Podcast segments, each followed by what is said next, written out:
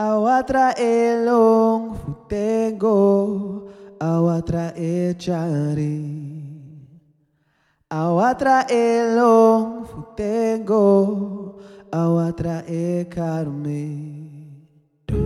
Ao atraer um futengo, ao atraer chari, ao atraer sabe. Ao atraer um Awatra e carme, awatra e carme, awatra elong futengo.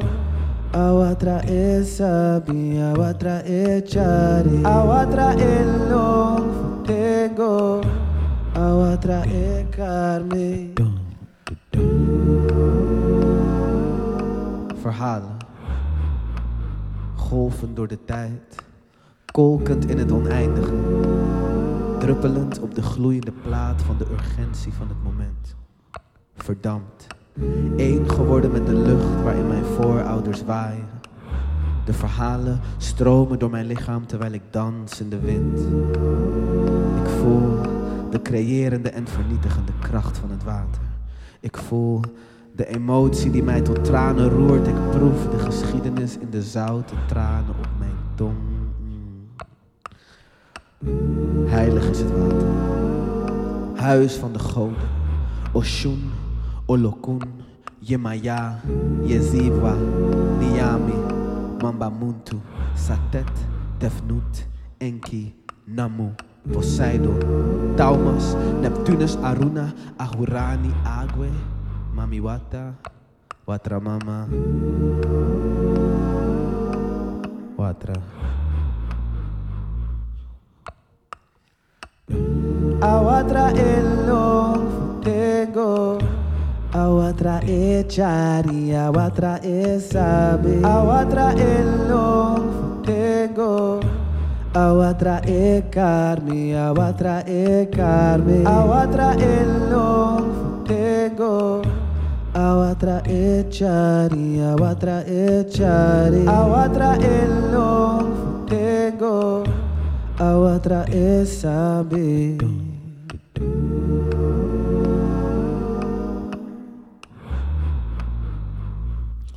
Ik begin bij het begin.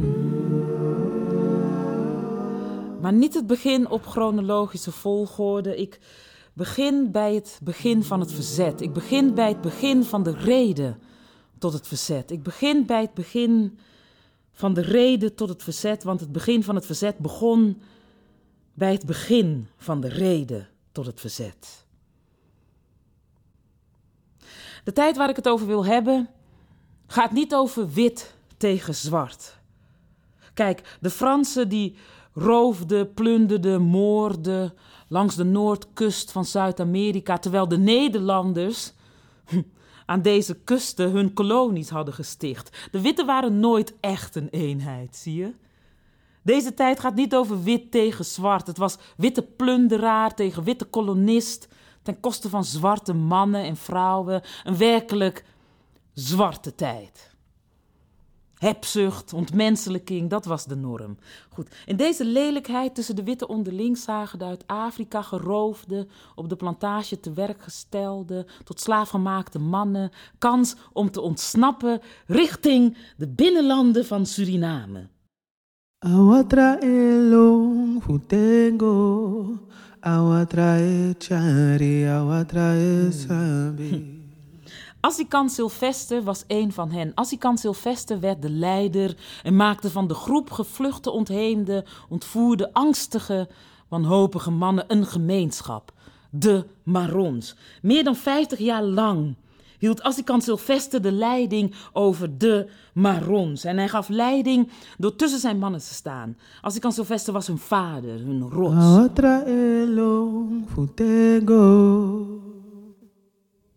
Door de tijd ontwikkelde zich een nieuwe taal in de binnenlanden van Suriname. Een taal waarin iedere stem een plek kreeg in het idioom. Ehm, ieder dialect, zelfs de talen van de kolonisten. Hm? En in de binnenlanden van Suriname horen we deze taal nog steeds. Het heet Aukaans of Saramakaans. Het bevat Ghanese, Congolees, Gebet, talen, Europese en pre-Columbiaanse woorden.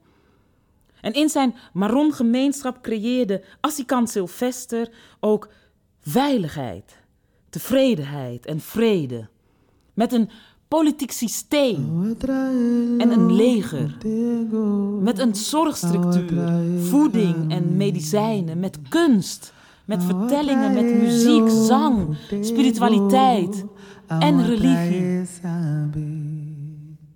Er was liefde. Er was warmte. En dit is het voorbeeld van creëren van taal en gemeenschapszin vanuit onze Surinaamse geschiedenis. De geschiedenis van Ocean en van mij. Van Suriname, van onze ouders. Hm. Als ik aan Sylvester begreep ook dat al deze verschillende jonge mannen met al hun verschillende identiteiten uit al die verschillende delen van het moederland nu en hier van dit oerwoud hier hun thuis moesten maken. 350 mannen in totaal waren inmiddels de binnenlanden ingevlucht en samen hadden zij hele gemeenschappen gesticht, meerdere dorpen en tientallen huizen gebouwd. Ze deelden hun voedsel en hun verworvenheden, hun kennis over de jacht, hoe te overleven en alles wat zij wisten over hun gemeenschappelijke vijand. De Marons hadden namelijk een hoger doel: de bevrijding van alle tot slaafgemaakten.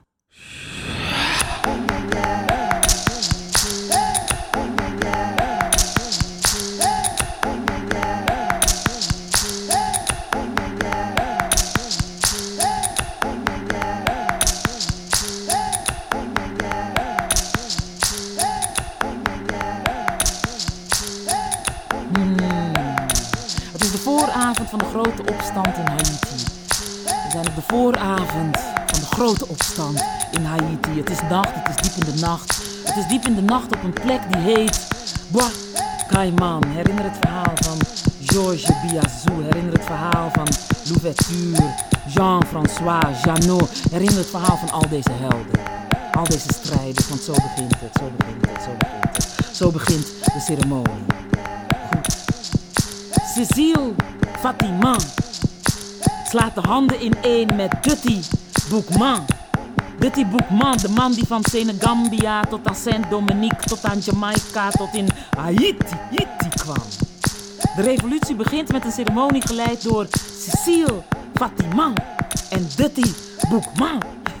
En herinner dat voodoo komt van het woord voedoen. Ontsprongen uit Benin, ontsprongen van de stammen Aya, Ewe, Von Dahomey, het land van de slang, Aisa Winti, Moeder Aarde, Snikje Winti, Wakaiman. Dit Boekman was bereid, Cecile Fatiman was bereid.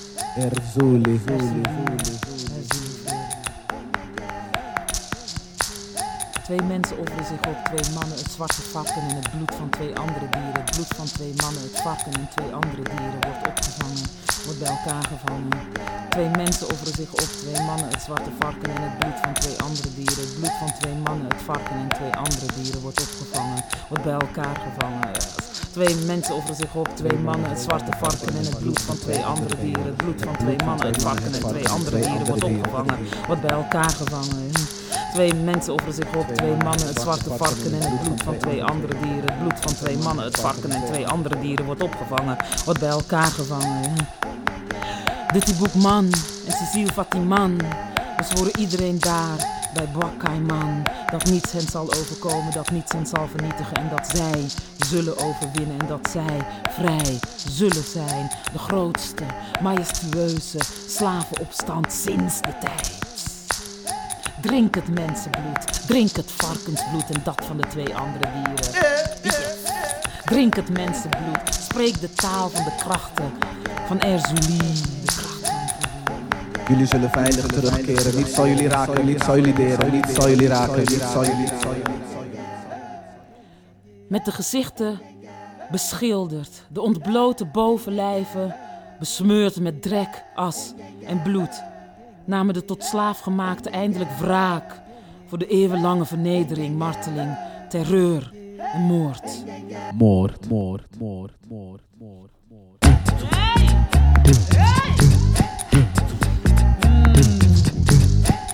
We hingen de blanken op aan hun eigen ladders en schoten net zo lang op hen met hun eigen geweren tot er slechts een verfomfaaide vleesmassa over was. De blanken op houten bokken en zaagden hen door midden. We onthoofden de blanke kinderen en staten. De lillende ledematen en hoofden als trofee op onze spiezen en stokken. Jonge blanke meisjes werden tientallen malen voor de ogen van hun blanke moeders verkracht en vermoord. En daarna ondergingen de blanke moeders hetzelfde lot. En ook wij, de slavinnen, namen aan de mishandelingen deel. We folterden de blanke planters die ons zo dikwijls hadden getuchtigd, verkrijterd en verkracht. Tot deze bijna stierven en riepen hen toe: Nee, sterf nog niet. Nee, sterf nog niet, gij moet nog meer lijden. En we rukten hun de blanke geslachtsdelen af en staken die in de nog reutelende blanke monden. We sleepten de blanke lijken naar de negerboten, de kuilen waar vaak zware, zieke of wel haast stervende slaven werden gegooid, weet je nog? Weet je nog? Omdat ze niet de moeite waard waren om normaal te verzorgen of te begraven, weet je nog? Hadden jullie blanken niet zo vaak beweerd dat men er maar op los kon slaan, martelen bij die vuile negers? Slagen voelden wij nu eenmaal veel minder. Hm? Hm? Hm? Wij droomden er immers van te sterven in ons lijden, want dan verhuisden we regelrecht naar het neger Walhalla in Afrika. Dagenlang duurde de wraakoefening van ons, de 50.000. Wij, wij die na wekenlange voorbereiding in het diepste geheim de vuurnacht hadden ontketend. Wij. In één week, binnen één week, werden 2000 witte gedood, 180 suikerplantages verwoest en 900 koffieplantages vernield. In één week. Binnen één week vermoorden zij duizend slavenhouders en niet één van hen werd gedood. Slacht, slacht de slavenhouders af op klaarlichte dag. Slacht ze af, slacht slacht ze op klaarlichte dag. Honderd en duizend hectare land op klaarlichte dag. Vrijheid op klaarlichte dag en niet één van hen werd gedood. We herinneren ons. Wij herinneren. Wij herinneren dit verhaal. We herinneren dit verhaal van Cecile Fatima. We herinneren de schoonheid van haar moeder Celestina Quadavide. We herinneren dat Celestina Quadavide een tot slaaf gemaakte vrouw uit West-Afrika was. We herinneren haar pijn. We herinneren haar pijn toen de witte man zich opdrong, indrong. We herinneren dat zij bevalt van haar dochter, Cecile Fatima, haar dochter met de groene ogen. We herinneren de krachten van Aya, Ewe en Fon. We herinneren de Voodoo, Bwakaiman, de Tibukman, Cecile Fatima. Laten we teruggaan naar het begin, naar de oorsprong van voor Cecile Fatima, van voor de Tiboukman. Laten we teruggaan naar het begin, naar de oorsprong, naar François Macandal. François Macondal, de eenarmige voodoo-priester, de vader, de Black Messiah, de Maron-leider die de basis legde voor deze grote slavenopstand in Haiti. Laten we hem herinneren, François Macondal, hem op wiens schouder Cecile Fatima en Dutty Boekman staan. Laten we hem herinneren, François Macondal. François Macondal was een jonge man, een genezer. En voordat hij genezen werd, werkte hij aan de pers bij de suikerriet waar hij zijn arm kwijtraakte. Zo vertelt de overlevering ons. François Macondal maakte zichzelf onmisbaar door, nadat hij zijn arm was kwijtgeraakt, te studeren en zich te verdiepen in de geneeskrachtige werking van kruiden. En hij gebruikte zijn kennis om de plantage-eigenaren te genezen en zijn roem was groot. Het moment het moment dat François Macondal besloot om zijn kennis van kruiden in te zetten om de slaveneigenaren te vergiftigen en niet te genezen, dat moment, zijn verzet, dat moment, die openbaring is de basis van deze geschiedenis. En, en het moment dat hij vervolgens geroepen werd om zij die hij had vergiftigd te genezen, zijn roem was groot, is de basis van onze geschiedenis. Deze eenarmige voodoo-priester François Macandal, Maron-leider, op wie schouders zij staan, Cecile Fatliman en Dutty Boekman. En laten we ook herinneren laten we ook herinneren hoe hij op de brandstapel riep La ilaha illa Allah. en dat hij boven het vuur stond, zijn vleugels uitsloeg en wegvloog. Zo leert de overlevering ons. Maar laten we, laten we nog verder teruggaan naar het begin, naar de oorsprong. Van voor Cécile Fatima en Dutty Boekman, van voor François Macondal naar Padre Jean. Padre Jean, laten we hem ten eerste herinneren. Hem, de eerste marron van Haiti, de eerste, eerste marron van Haiti, de eerste die de keel doorsneed van een witte Padre Jean, de eerste die doodde. Laten we hem, laten we hem herinneren. Herinner hen, herinner hen, herinner hen op wiens schouders zij alle staan.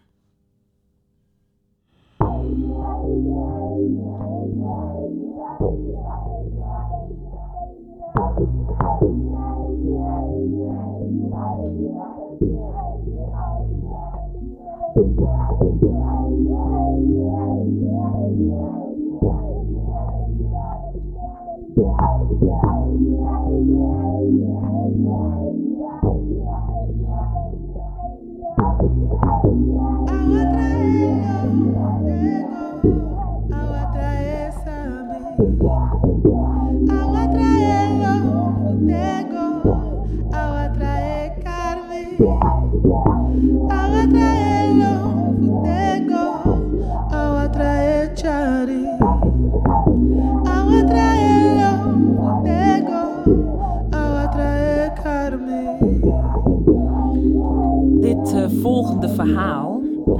dat raakt mij zo, want ik herkende het niet, maar ik kende het wel. Ik kende het wel. Want er zijn zoveel boeken en films over deze mensen gemaakt. Mythische films vaak, mythische film. Maar het is waar, het is geen Disney, het is geen fantasie. Het is in Dominica. En ze hebben bestaan, deze mensen, deze halfgoden. Goed, ik ga verder. Dominica is een eiland. Niemand kan er zomaar komen. Niemand kan er ook zomaar weer weg. Het is een van de bovenwindse eilanden tussen Guadeloupe en Martinique. En in de jaren van toen werd het door geen van de witte gekoloniseerd, zo leert de overlevering ons. Het werd gebruikt als tussenstop en handelspunt door de witte mensenhandelaren die van en naar het Caribisch gebied reisden. Goed, Wanneer de mensen aan boord, zij die door de witte werden beschouwd als handel, wisten te ontsnappen, maakten zij van Dominica hun thuis, hun land, hun basis. Onze voorouders renden het strand op, trokken het eiland in, troost zoekend in het hart van het eiland en werden door haar, door Dominica en de Kalinago opgenomen. Waitukubuli. Waitukubuli werd hun thuis. Jaren later wilden de Britsen of de Fransen of weet ik veel Europeanen, die wilden het eiland koloniseren. Het is van niemand, zo redeneerden zij. En die paar marons diep in het oerwoud, nou die kunnen onmogelijk een eh, beschaving hebben gesticht. hè? Ze verklaarden het eiland Brits en gingen over tot de kolonisatie van de dag. Oh, sing, can you Nou, see? nee, nee, nee, nee. Oh. Nee, want... eh, en trouwens, dat is het Amerikaanse... Oh ja. Well, same shit. 出去嗯。Brits-Franse witte, Brits-witte Franse arrogantie werd direct beantwoord met een oorlogsverklaring. De Marons van Dominica vielen vanuit hun Maronkampen bovenop de meest ontoegankelijke bergachtige en vulkanische gebieden van het eiland. De plantages van de kolonisten die langs de kusten lagen aan. En dit gaat de geschiedenis in als de Eerste Maronoorlog van Dominica, gevolgd door de Tweede Maronoorlog van Dominica. De Britten zelf die durfden niet verder dan twee mijl het land in te gaan. Dit was nooit hun thuis. Dit was nooit hun thuis. En de Marons hebben niet de wapens van de Britten, maar wel een noodzaak, met een ziel. Het eiland Dominica is boven alles en in eerste instantie een Maron-eiland. En hun leiders kennen we dus. Hun namen zijn Calypso, Rosai,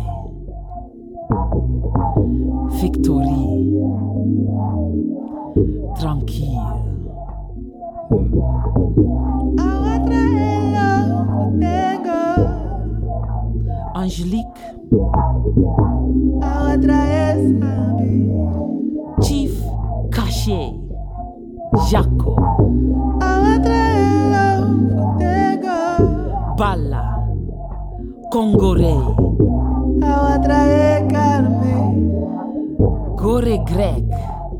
Varzel. Polinaire. Juba. Zombie. En Jupiter. Zij heten de Negrimawons. Carmen. Negrimawons. Eh, ja. Agua trae Carmen. Agua traerlo. Agua trae Carmen. Agua traerlo. Agua trae Sammy. Agua